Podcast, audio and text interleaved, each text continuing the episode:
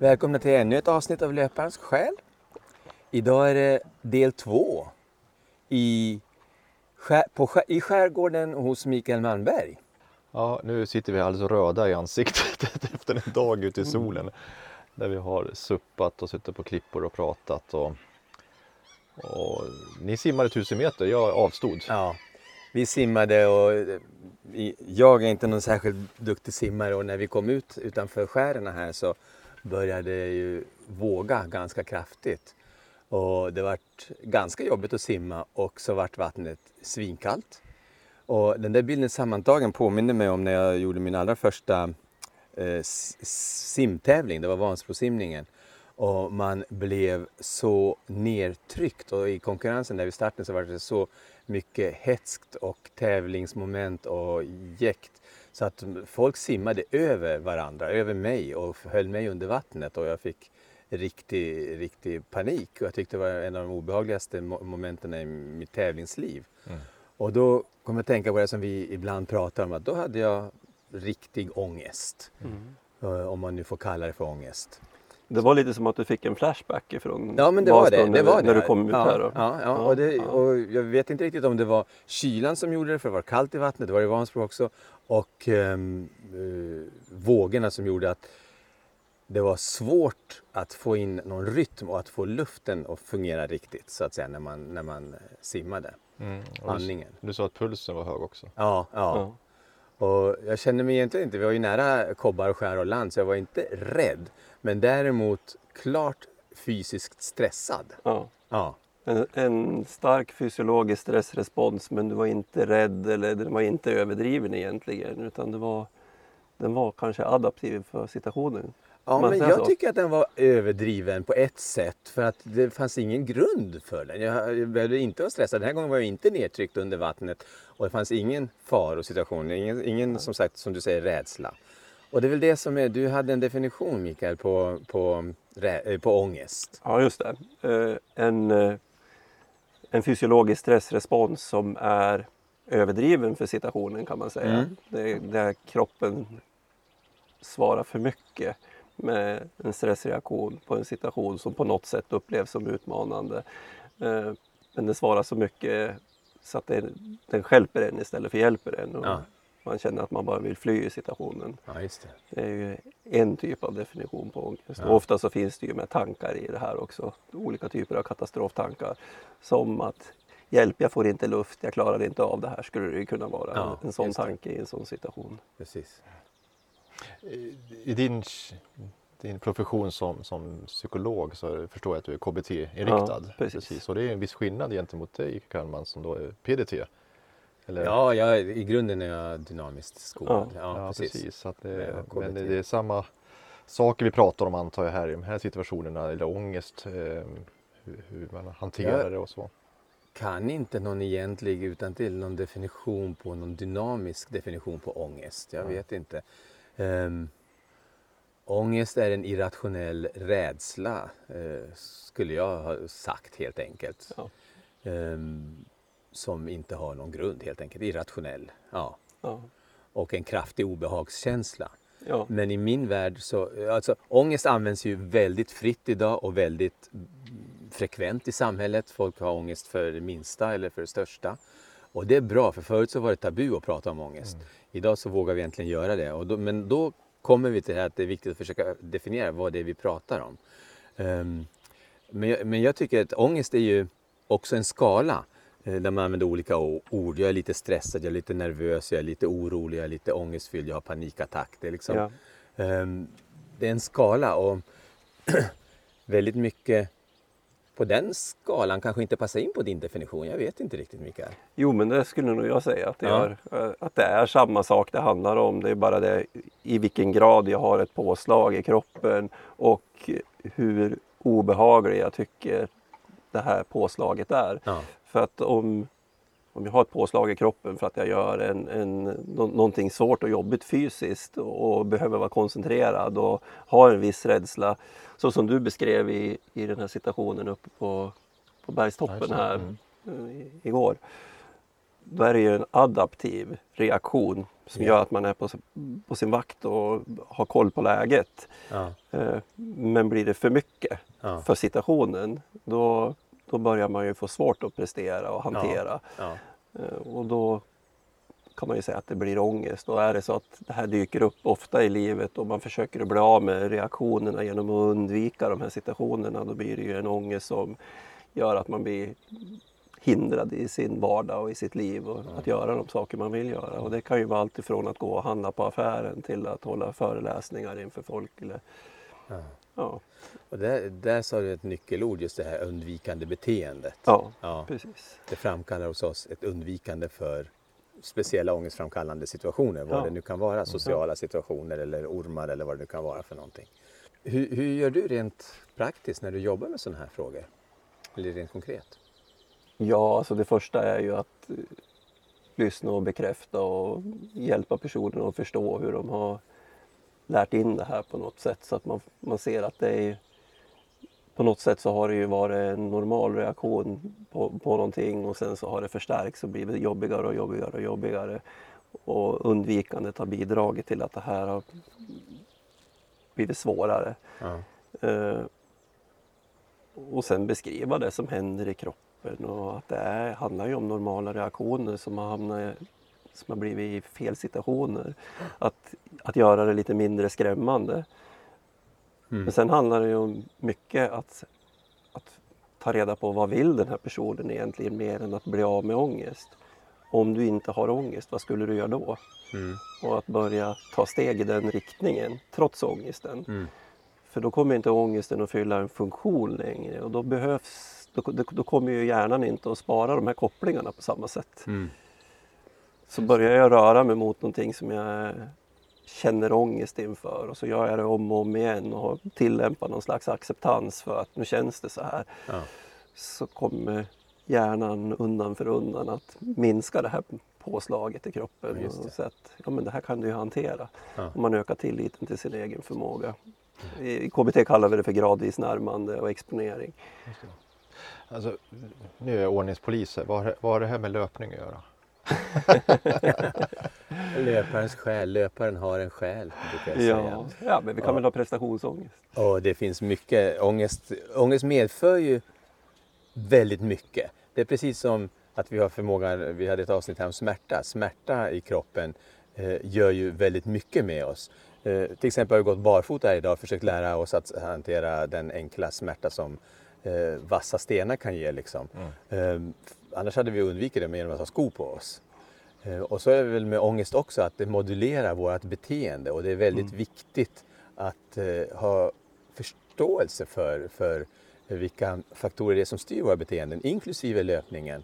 Ehm, Det finns många som löper på olika former av ångest, eh, brukar jag hävda och det hävdar jag fortfarande, som är ångestdrivna i sin löpning. Och då gäller det att försöka komma till rätta med det, för det är ingen sund drivkraft, tycker inte jag. Nej, och det kan vi ta sig uttryck på olika sätt. När vi, när vi stod där på supparna, tre stycken bredvid varandra efter vi har suttit på klipporna där och så diskuterade vi det här också. Ja, men många har ju ångest inför tävlingar, eh, att man är, Ja. kanske inte ens vill tävla för man tycker Ja. det, är så, det är så jobbigt och det är en sån ångest. Eller, det kan också vara en ångestdriven löpning man håller på med som gör att man snarare bryter ner kroppen snarare än att kanske lyfta. Mm. Eh, och det, det är väl olika former av ångest, eller kanske samma ångest men olika situationer vi pratar om. Ja, absolut. Och ångest kan ge det som vi ofta stöter på inom ultralöpningen, ätstörningar som gör att folk eh, överanstränger sig, är otorektiker och, och det finns många uttryck. Mm. Det, det är det som är så fascinerande. Jag brukar ibland fascineras av hur varierat det kan vara med Ja. ångestuttryck. Visst. Allt från rena panikattacker då man bara får, bara får ångest till väldigt kroniska, långa, svåra handikappande sjukdomar, tvångsmässighet eller ätstörningar eller självskadebeteenden eller andra saker. Men om vi då tänker, jag tar ett exempel. Mm. Vi har löparen som eh, oavsett sträcka men inför tävling så veckan innan känner personen i fråga som det är hjärtpåslag. Alltså det, det, det, det bultar på mer och mer i hjärtat. Man känner stress inför tävlingen som man har anmält sig till och man, man går igång. Och, eh, det här är ganska vanligt har jag förstått. Jag har Mm. pratat med flera som känner just en sån oro inför tävling och det, liksom, det förstör nästan glädjen med löpningen för att det blir sån mental press. Ja. Alltså, hur, hur hanterar vi det? Men om man tänker sig att den här rädslan handlar om kanske rädsla för ett misslyckande. Mm. Och det, det är svårt att ha kontroll över alla faktorer och så försöker man hela tiden att hitta olika sätt att kontrollera och eh, lugna sig själv. Det kommer en orostanke runt löpningen och så försöker jag hitta någon, en lugnande tanke som dämpar det här en stund. Och det här blir som en ond cirkel som bara går runt, runt. Ungefär som ett tvångssyndrom. När oro för att man inte har stängt av kranen och så går man och känner på den och så kommer oron igen och så går man och känner på den. Ja. Och så kan det ju vara med orostankar också. Vi försöker lugna oss själv. Sen kommer det en ny tanke och så försöker vi lugna oss själv istället för att ha en acceptans för att det finns en del faktorer som vi inte kan kontrollera. Men nu har jag gjort vad jag kan och jag är där för att göra mitt bästa. Förhoppningsvis ha roligt och ha en fin upplevelse. Ja. Sen är det klart att ju mer viktig prestationen blir desto större risk är det ju också att den här utmaningen tippar över i en oro för ett misslyckande. Ja. Särskilt om man tänker att det här får dramatiska konsekvenser för mig eller mitt anseende blir förstört eller jag tappar sponsorer eller vad det nu kan vara. Ja, just det. Ja, fast nu pratar jag på ganska motionsnivå. Ja, Eh, Men, men i princip så kan det ju vara lite samma typ av tankar även om man inte, Absolut. inte förlorar något mer än sitt anseende eller Absolut. synen på sig själv eller vad det nu Ja. kan vara. Det är väl ofta det, synen på sig själv och Ja. sin egen Ja. prestation och sin egen självbild. Ja. Och det är ju ena spåret som sagt eh, oro inför Mm. en särskild tidpunkt eller tävling och Mm. liknande. Det andra är ju också den här eh, löpningen som bygger på att jag måste springa hela tiden och annars så, så räcker jag inte till eller jag duger inte om jag inte Mm. tränar varje dag hårt och liknande också. Och det är ångestdriven löpning. Är det, är det här någonting som är också förekommande vanligt eller har ni fått en uppfattning om det? Om det? Det är väl ingen jag möter i min praktik direkt men man hör ju och läser om personer som känner på det här sättet och i viss mån så skulle jag säkert kunna känna igen mig själv i att ja, men löpningen blir så viktig och att mm, man verkligen har svårt att se sig själv inte springa ofta. Mm. Som jag pratade om igår också. Mm. Det Det kan, jag kan igen. finnas en ångest i det här naturligtvis. Det känner jag igen. Ja. När jag får förhinder att springa så Ja. börjar det här byggas upp. Att ja. Nu borde jag ha rört på mig, nu måste jag röra på mig. Ja, Fast jag inte har något som helst egentligt skäl. nej. Och det är Men- därför vi har tyckt det var så svårt, om det vi pratade om igår, om att låta själen vila. Att inte att gå omkring i morgonrock Mm. Mentalt. Det, Mm. För att det byggs upp en, en, en oro, en, en högre och högre stressnivå. Då kan man ju säga att eh, om att springa är vårt kontrollbeteende för att se till att leva upp till någon slags förväntningar och så får vi inte springa. Då blir ju det responsprevention då. Så man, man pratar om tvång. Så har man en tvångshandling som, som lindrar en stund och sen måste man till med tvångshandlingen igen. Mm. Men eh, behandlingen det är ju exponering med respons, responsprevention. Mm. Utsätter för situationen men gör inte handlingen. Nu är situationen att jag vill springa men jag gör inte handlingen. Det blir responsprevention och då kommer Ja. det att väcka ångest ett tag. Ja. Det, det gjorde det ju. Och sen, Och sen så klingar det av och det. blir lättare att hantera. ja. ja, precis. Det är återigen det där, ta tjuren vid hornen eller, Ja. eller utsätt dig för, exponera dig för situationerna. Ja. Ångest tycker jag är li, lite fascinerande för den, vi har ju alla ångest. Ja. Och den eh, fyller ju ut all... Jag brukar säga att det, är som ett rum. Och den fyller ut hela rummet. Så det går inte att mäta på något vis. Eh, och inte ens subjektivt tror jag man kan mäta det eller jämföra det. Det är någonting som är väldigt allomfattande när det inträffar. Och väldigt kraftigt. Eh, när man får riktig ångest. Eh, för det kan styra oss så pass mycket, så pass allomfattande. Absolut, det kan ju ockupera oss helt, Helt, och, ja, och ja, styra exakt. oss. För att det, det är så, vi upplever det som så obehagligt att vi gör allt för Ja. att slippa känna de här Ja. känslorna. Ja. Och jag brukar beskriva det som en, eh, en våg eller en gungbräda och på ena sidan gungbrädan så har vi vilja slippa känna de här känslorna Ja. och på andra sidan så har vi våra värderingar och det som är viktigt i livet. Ja. Och så länge vi står med tyngdpunkten på vilja slippa så kommer vi inte att röra oss framåt. Nej, Men om vi kliver över på den sidan som handlar om vad vi vill och vad vi vill uppleva och göra och på vilket sätt vi vill leva vårt liv. Ja, då, då måste vi lätta på vilja slippa. Ja. Och då får vi ta med oss ångesten in i den här situationen. Ja. Vi kan inte ta bort den, Nej. utan vi får ta med oss den. Men om det här är tillräckligt viktigt på värderingssidan för oss, då kan vi ju känna de här känslorna och utsätta oss för situationer där de här känslorna väcks och undan för undan engagera oss i det som är viktigt i vårt liv. Och till slut så kommer ju inte ångesten att styra oss längre. Men så fort jag kliver över på vilja slippa sidan så är jag ju styrd av ångesten. Ja, ja, just det. Per Lagerkvist pratade vi om förut. Ja. Snitten- Ångest, ångest, 1916 skriver han det. skriver han det. Ja. är vår arvedel, vår strupes skri- eh, sår och hjärtas skrik mot världen. Det är vad jag kan, du kan det mer. ja, jag har den framför mig här och jag, jag famlar kring i detta dunkla rum. Jag tycker passande. Jag känner klippans vassa kant mot mina fingrar som vi känner idag också i viss Mm. mån. Men, men eh, det här famlandet tror jag Mm. vi många känner just i Mm. den Mm. ångestsituationen. Mm. Det här dunkla rummet, man har liksom Mm. ingen riktpunkter och liknande. Absolut.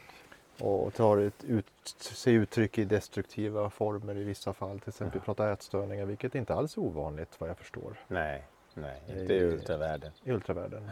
Nej, väldigt Men, vanligt. men om vi stannar där, för att jag tycker att de här frågorna är viktiga att våga prata om också. Mm.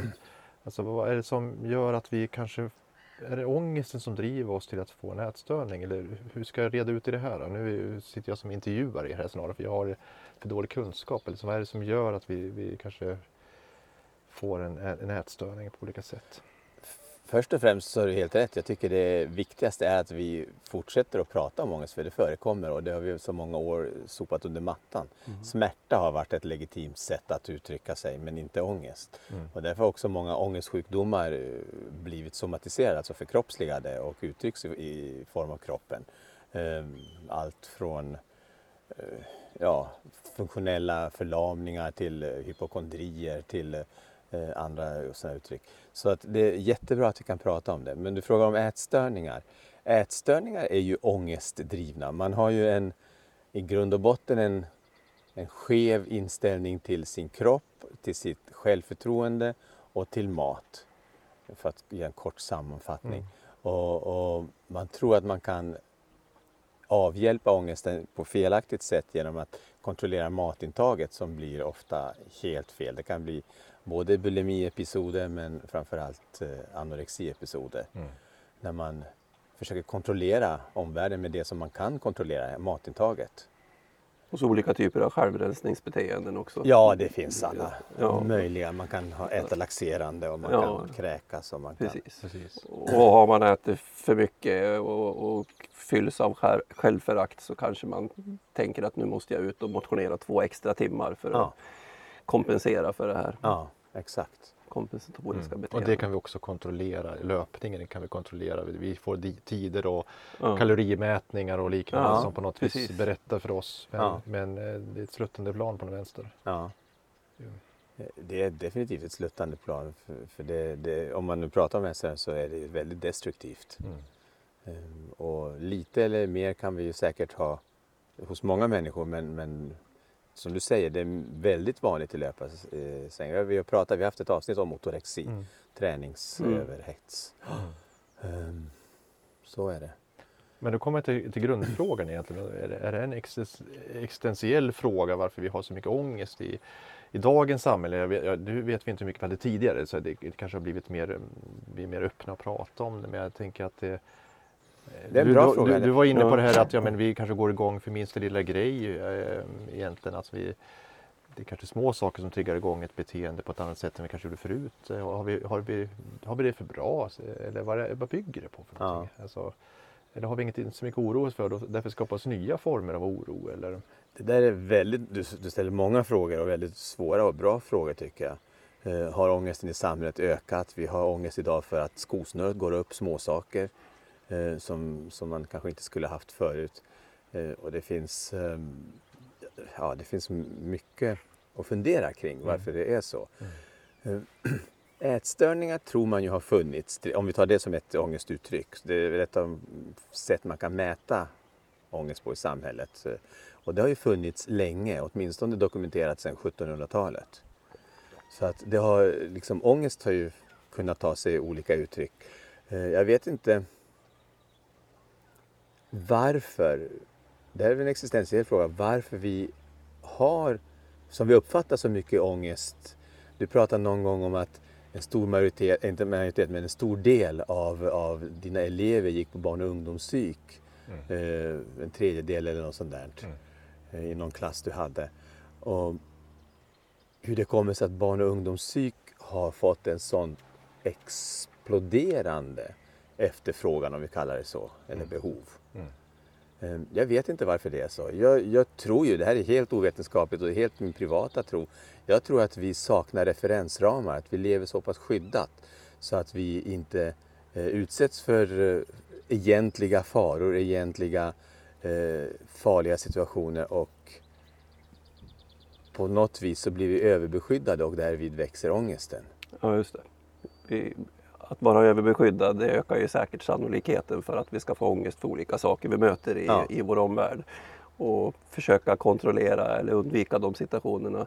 Och om vi har växt upp i en, en familj eller en livssituation där vi ständigt har fått möta olika typer av svårigheter och utmaningar och fått tackla dem och blivit lite rädda och ändå försökt få övervinna dem så har vi säkert en större motståndskraft och det gör att vi inte blir lika ångestbenägna. Mm, sannolikt så, så, är det så. Precis. Och sen finns det alltid har vi haft det för svårt under uppväxten så får vi också mer ångest. Ja, ja. Men någonstans mitt emellan ja, ja, är, ju, precis. är ju bättre. Det är den gyllene medelvägen som vi alltid faller tillbaks till på något vis. Ja, men precis. Jag såg en intressant siffra på hur lång aktionsradie föräldrar lät sina barn ha genom tiden. Mm.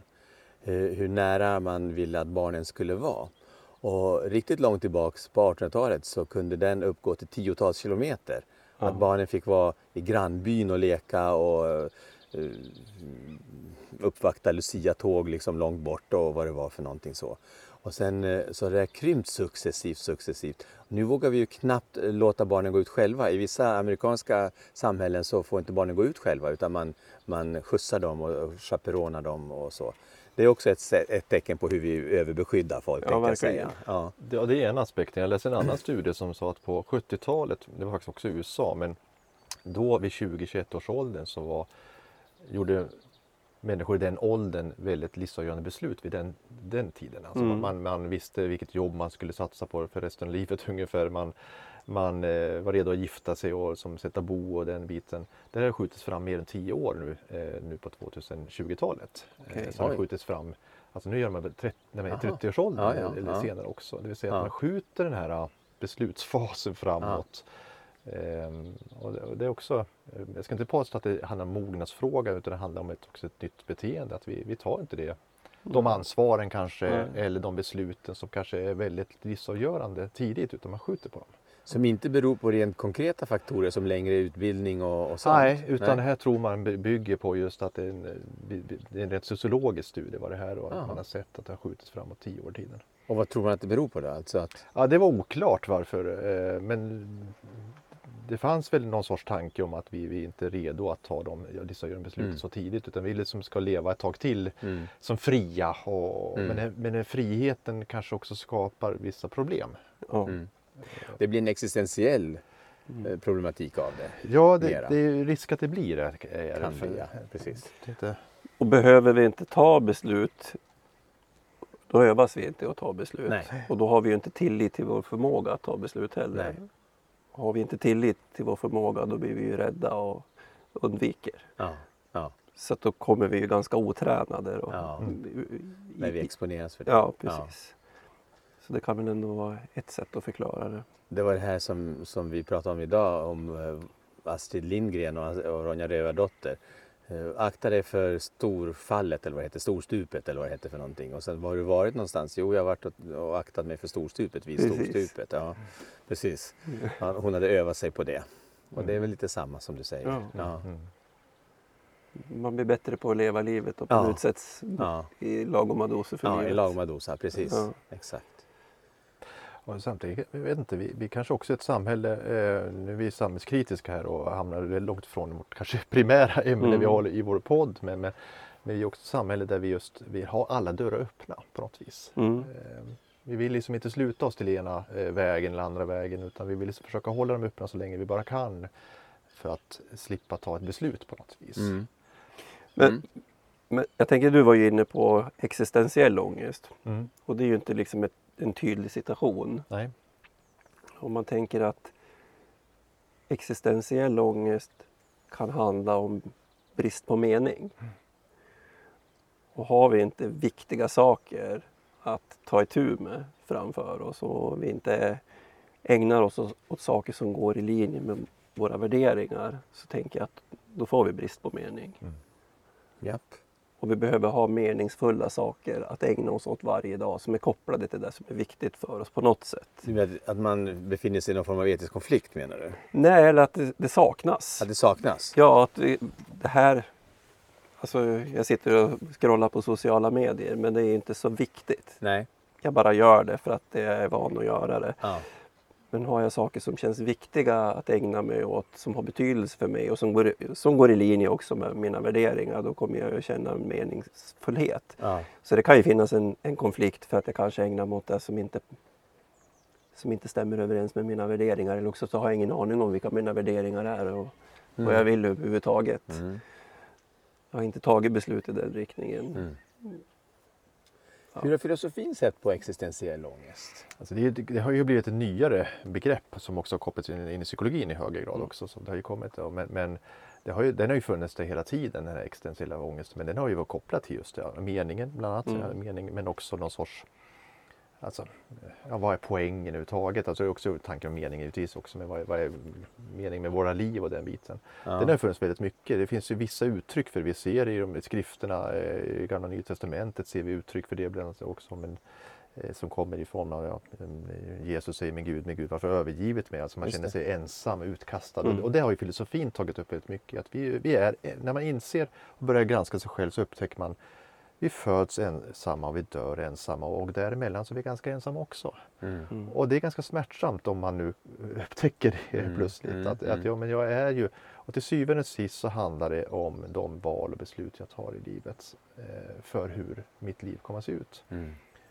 Och, och det är ett väldigt stort ansvar. Mm. Och det är därför jag tror att jag har ju en del filosofiska samtal med en del människor och det, det jag hör många gånger sägas det är samma sak. Jag saknar att ha samtal som ger mening. Alltså djupare samtal eller, eller meningsfulla samtal. Ja.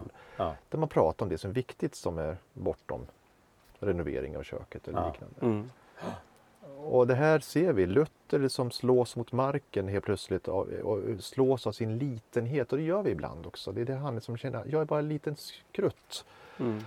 Eh, Eller lort som man eh, säger i Astrid Lindgrens Ja. ja. också. Mm. Eh, man upptäcker plötsligt att ja, men jag är ju inget annat än det.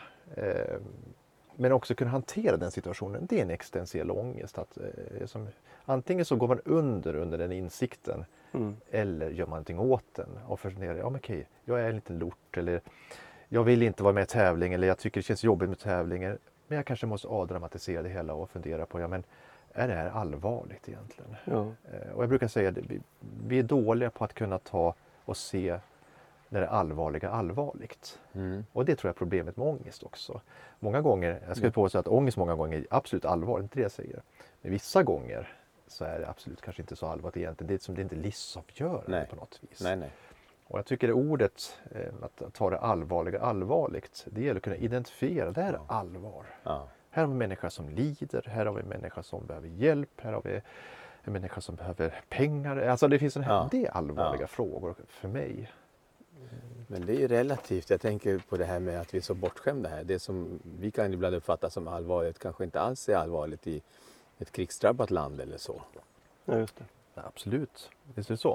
Eh, det är absolut kontextuellt betingat. Kontextuellt. Ja, visst är det Mm. så. Mm. Ehm, men, men det är ju den humanistiska eh, psykologin med Maslow som alla har sett, den här pyramiden. Som, han gjorde ingen pyramid men det blir en efterkonstruktion i alla fall. Men vi, vi har liksom grundläggande behov som ska vara uppfyllda. Vi ser mat, dryck, eh, säkerhet, eh, tak över huvudet. Sen när det är klart, och det är en förutsättning för att kunna gå vidare i utvecklingen. Ja, men sen kan vi börja fundera på eh, jobb och utbildning och liknande. Mm. Och, och sen se högsta nivå så är det självförverkligande man pratar om. Att man ska inte bli självförverkligad utan självförverkligande. Någonting Precis. som pågår hela tiden. Jag ska försöka bli förverkliga mig själv som människa. Mm. Och- Lära för lärandets skull. Ja, och, och och, och liksom hela tiden utveckla mig och mina förmågor. Mm. Inte så att jag blir supermänniska men det handlar om att, att kunna bli en lite bättre människa så att säga. Är den kopplad till lycka och ångest på något vis? Kan man vara lycklig och ångestfri fast man befinner sig på de lägre trappstegen?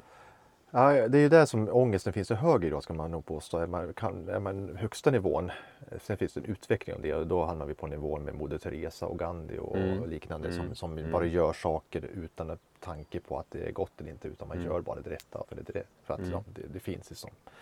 Men jag tror att är man på självförverkligandenivå så, så är nog ångestnivån lägre om den ens finns. Eh, Jag kan inte svara på den frågan riktigt.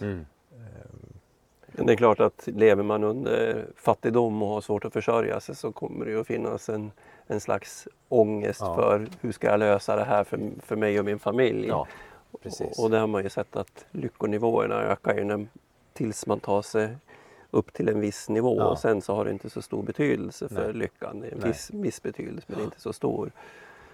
I Sverige sa man väl att det var eh, ekonomisk eh, e- inkomst över 450 000 kronor. Där slutar man bli lyckligare någonstans. Det finns säkert konkret. Den har flyttat så jag är kring Mm. 48-50 000 kronor i månaden nu. Ja. Ja, något sånt där. Eh, brut- Precis. Bruttolön, men Ja, tjänar man mer så blir man inte lyckligare. Nej. nej. Det är ganska intressant. Ja, men det är det vi tror och nu Mm. börjar vi närma oss något spännande. Vi tror liksom mer, mer är bra.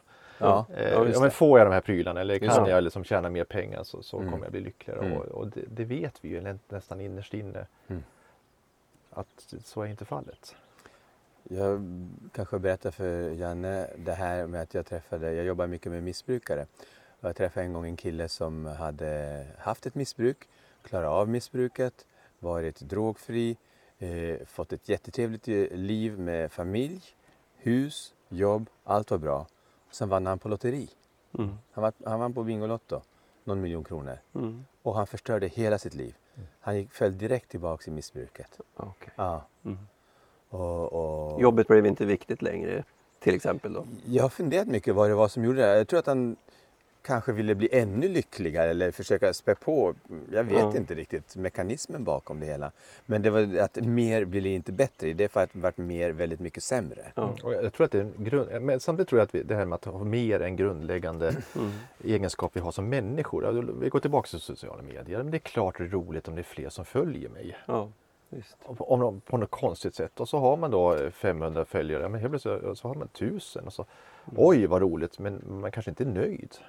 Utan man kan ju ha haft 2000. Och, och egentligen så kanske det bara är uttryck för ett grundläggande behov av tillhörighet.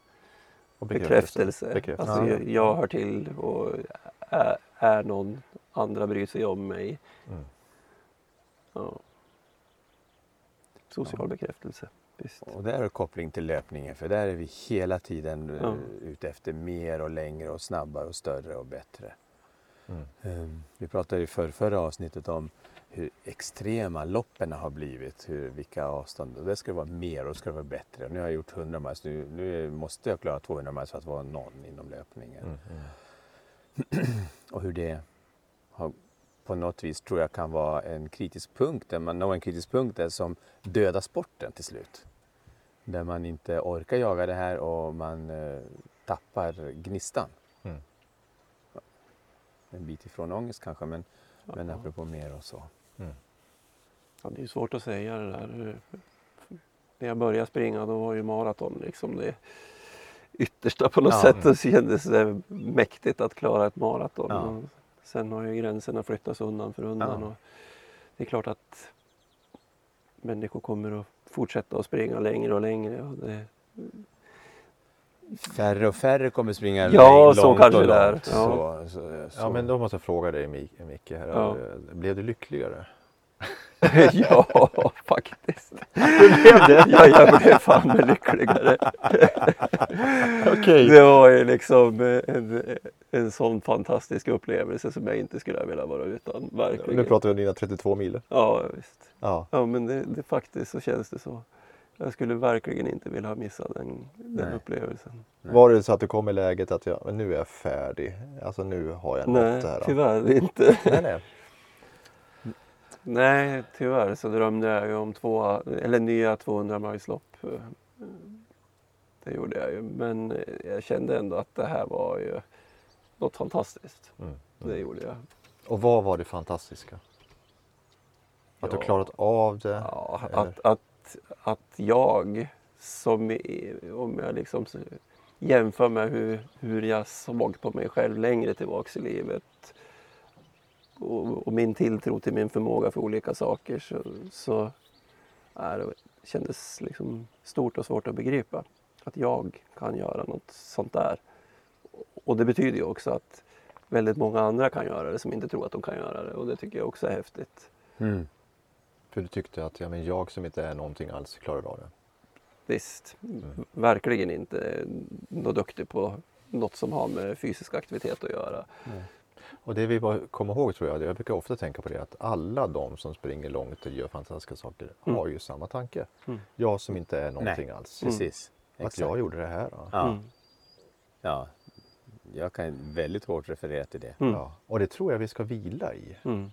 Eh, alla, ni som lyssnar också, liksom att ja, men, vi är alla eh, ganska vardagliga och, och, men vi har kvaliteter som vi kan utveckla. Det behöver inte vara löpning, det kan Nej. vara annat. Det kan Ja. vara den som har störst hjärta eh, och, och Mm. möter andra människor och ser andra människor bekräftar eller den, den som är viktig för en enda person. Mm. Det finns så mycket och det grundar sig alltid i att alla var föddes ensamma i den här världen Mm. och lyckas göra det bästa man kan. Ja. Nu ska jag inte vänta om dina 32 mil var det bästa du gjort i ditt liv, det tror jag inte egentligen. Men Nej, kanske inte. om, jag, om jag liksom undantaget från familjen så, så var det väl beslutet att börja studera när jag var 28 år. Från att ha jobbat som elektriker. Det, det var väl en jätteviktigt Ja, steg i ja, mitt liv. Men, men att börja springa var väl det näst viktigaste. Det tycker jag också har förändrat mitt liv och min syn på vad som är möjligt och sådär. Även om jag alltid har haft ett sug efter olika typer av upplevelser och sådär så, så kändes det där som en av de större upplevelserna. Utan att för den skull vara livsfarligt eller något sånt äventyr så, så var det ju verkligen ett inre äventyr. Det där känner jag mycket väl igen. Jag brukar dela in mitt liv lite olika saker. Jag är stolt över min profession, jag är stolt över min familj men också över min, min löpningskarriär. Liksom. Inte Mm. stolt över, lycklig över. över. Lycklig, ja. Ja, eh, bra- ord. Så att liksom, det ligger bland de toppgrejerna Ja. som gör mig glad eller nöjd eller så. Och antagligen så pratar vi om identitet här också. Ja, Att, ja, hur, ja, hur vi ser på oss själva. Ja, det är delidentitet, absolut. Vad har ni för delidentiteter som största och främsta? Förutom löpare och Mm. psykolog och Mm. familjefar. Mm? Ja, alltså nyfikenhet skulle jag väl säga är en egenskap som jag känner är en, del av min- identitet. Mm. Som jag gärna vill odla och påminna mig själv om att det är en viktig del i mitt liv och som ger mitt liv mening tror jag. Ja, ja, Så som jag konceptualiserar det då. ja. Mm. Det är väl det jag kommer på just nu. Nyfikenheten. Har du något du vill jag sitter här och Försöker tänker, ducka. Jag, jag sitter och duckar för alla frågor här och ni, jag tänkte vad skönt jag slipper men jag det tyvärr inte. ja, jag vet inte. Alltså jag, jag kämpar ju med det varje dag tycker jag. jag. jag- Visst, givetvis har vi de här klassiska eh, som jag har tagit upp gång Mm. på gång. Mm. Med, med, i- jag är far och jag, är make och de här bitarna som är väldigt viktiga givetvis. Det är Mm. stora delar. Det är yrkesverksamma också men det blir lite tråkigt att prata om sådana saker samtidigt. Även om de är viktiga, det är ju centrala i våra liv men det, men det är ju... Jag, jag, jag vet ju inte. Nej, nej. Alltså jag, jag är den stora tvivlaren. Det är väl det Ja. som är en stor del av min identitet ska jag Ja, påstå det. egentligen. Det, det, det tycker jag är spännande att, att få jämt få tvivla. Ja. Eh, Och det låter ju väldigt tråkigt att vara den som eh, alltid ställer det varför eller, eller eh, tror jag på det här egentligen. En jätteviktig aspekt som Ja. du har tillfört och det är att just, det, är inte, det är inte svaren som är det viktigaste, är frågorna. Nej precis. Ja. Och, och, nej, men jag tycker att tvivlet är spännande på något vis. Att, att eh, en auktoritet säger ja, men gör så, så här är det och då känner jag bara men varför då? Eller var, var är din källa? Liksom, och, Mm. och, och så ser man att ofta, tycker jag, så ofta att kejsaren är naken. Ja. Men är inte det en slags nyfikenhet det där också? Det är ny, absolut, det är Tvivlet bra, liksom. bra. Varför då? Ja. Ja, Hur kan det det. vara så? Ja, Varför just det? Ja, jag, jag är väldigt nyfiken på, det är sant. Det, jag, är nyfiken, jag är nyfiken på livet, verkligen. Eh, Och jag, jag, ehm, jag, jag säger inte att jag lever varje dag som att det vore den sista, det gör jag inte. Men jag är medveten om att varje dag kan vara den sista. Ja. Och det gör mig också nyfiken. Eh, Mm. Jag jobbar ju med ungdomar med, som, som gymnasielärare. Älskar att umgås med, med gymna- gymnasieelever för att alltså de, de, de har ju den här nyfikenheten och de är formbara och, och tänker att ja, men det, det här är ju fantastiskt. Jag får aldrig få sluta vara intresserad av det nya. Nej. Men tvivlare säger du, är det samma sak som skeptiker? För skeptiker och tvivlare eh, ligger nära varandra. Ja, visst. Och skeptiker är för mig inte nyfikenhet, utan det är mera en negativ livsåskådning. Som är stängd, mer, tänker du? Ja. ja. Men du tvivlar och funderar, vad finns bakom? Eller finns det någonting sak. annat? Kan, Det är mer som en fråga jag ställer nu. Ja, ja, men visst är det så. Och det är därför de här existentiella frågorna är viktiga för mig. Ja, men det måste finnas någonting mer. Alltså. Vi pratar om en vi pratar ofta om döden i våra sammanhang. Ja, ja, Ja, men, och just diskutera det här. Och, ja, men, och varför måste det finnas någonting mer? Och vad är det som gör att vi drivs av så många sådana tankar till exempel? Eh, Mm. Sånt här måste man ifrågasätta. Mm. Och speciellt när det är tabubelagt så är det väldigt spännande att få ställa de frågorna Mm. också. Mm. eh, Verkligen. Och, och jag tror att om, man, om, man inte, om vi slutar ställa de frågorna så då, då ligger vi pyrt till helt enkelt. Mm. Och, och då måste vi ställa oss också frågan, ja, men är det klokt att springa på det här viset? Ja. Alltså våga säga det. Ja. Jag, har ju funderat mycket kring backyard. Mm. Är det bra när man springer i sån grad som jag pratade om förut också så att man faktiskt stupar på eh, under loppet? Mm. Sömnbrista sig själv. Sömnbristen precis eller Mm. andra, eller att vi får eh, rabb eller liknande. Alltså, Ja. Vi har ju pratat om det Mm. förut också. Men är det här bra? Och jag är jag är så i smeten kring backyard men jag måste samtidigt våga ställa frågan. Jag tror att det finns många, inklusive mig själv, som går över den gränsen ofta som Ja. är nyttigt.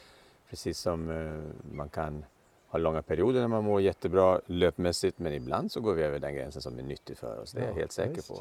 Ja. Och Jag har en absolut. kusin som är hjärtläkare och han hånler åt mig för han talar om för mig att varje ultralopp så medför förhöjda hjärtenzymer i blodet. Mm. Mm. Ja. Ja. Och ändå fortsätter du. Ja. Ja. Det, och du borde ställa dig frågan, är det klokt det här? Ja, det är en väldigt relevant fråga. Och det är väldigt, jag är väldigt svårt att ge ett ärligt svar på det. Mm. Vi pratade om fallskärmshoppning tidigare idag. Ja men precis. Jag vet inte hur, hur klokt det är men det var väl ändå intressanta upplevelser.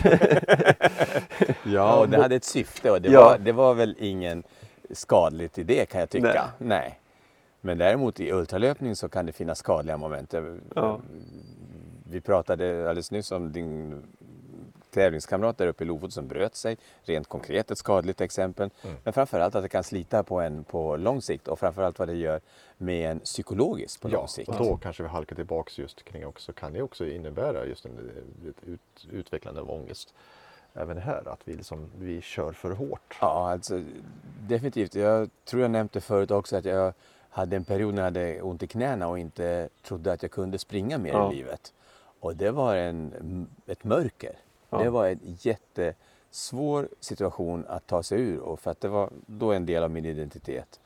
Um, och jag vet inte om det gav ångest utan det var väl snarare som man kan tänka sig, som jag har lärt mig nu, att eh, när man får en cancerdiagnos så tas man ifrån möjligheter. Och det här var en väldigt sån tydligt exempel på när Ja. löpningen skulle tas ifrån mig och den, att jag inte skulle kunna springa mer. Den möjligheten var väldigt stor. Mm. Och det var hemskt. Det Mm. var, ja, det var ångestskapande. Mm. Mm.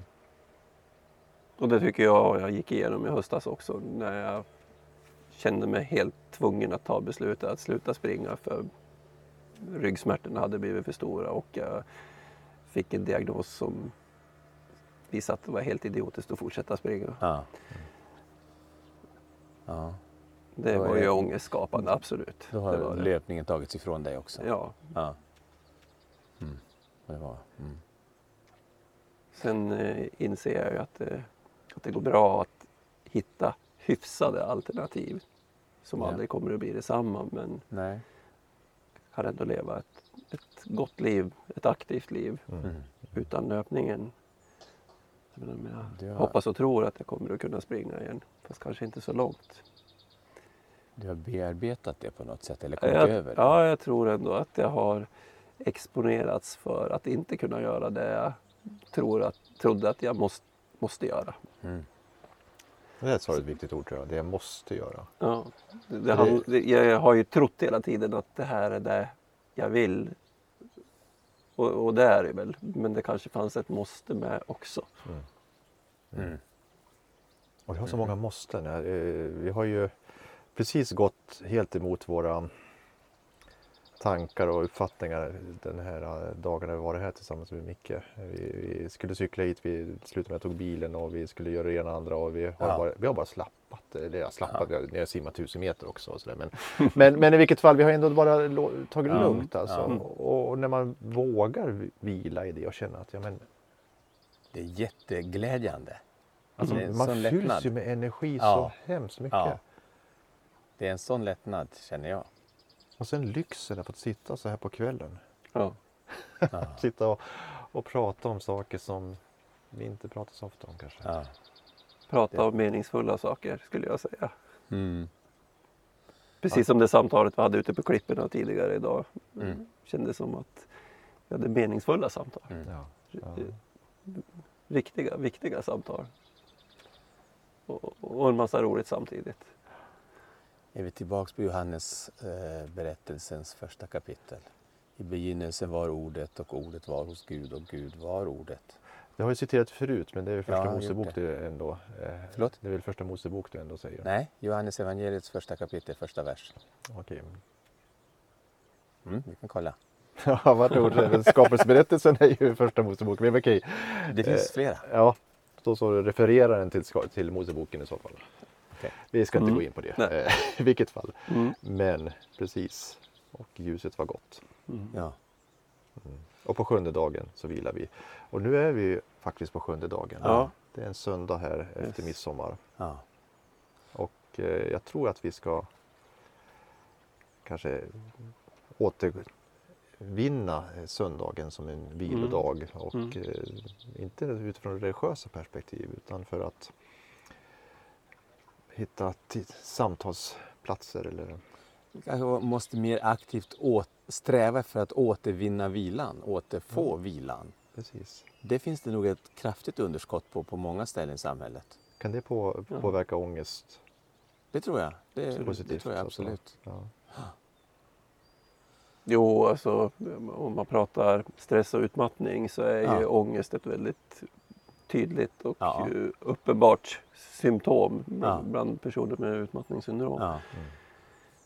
Där har du ju något som formligen också har ex, exploderat.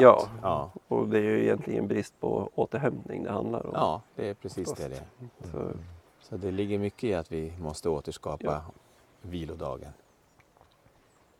det finns liksom inga arenor för återhämtning i, i, i personers liv med utmattningssyndrom. Utan man presterar på alla områden i livet till slut. Så Ja. återhämtningen Ja. kommer sist hela tiden och blir bortglömd. Nedprioriterad. Mm. Jag tycker det är tänkvärda ord som vi kanske ska avsluta det här avsnittet med. För nu är det sommar och nu ska vi kanske försöka vila en stund, i alla fall från löpningen och överlag med semester och så. Mm. Ha en god och trevlig sommar allihopa. Löp väl, löp lugnt och vila däremellan. Jättebra. Tack. Tack.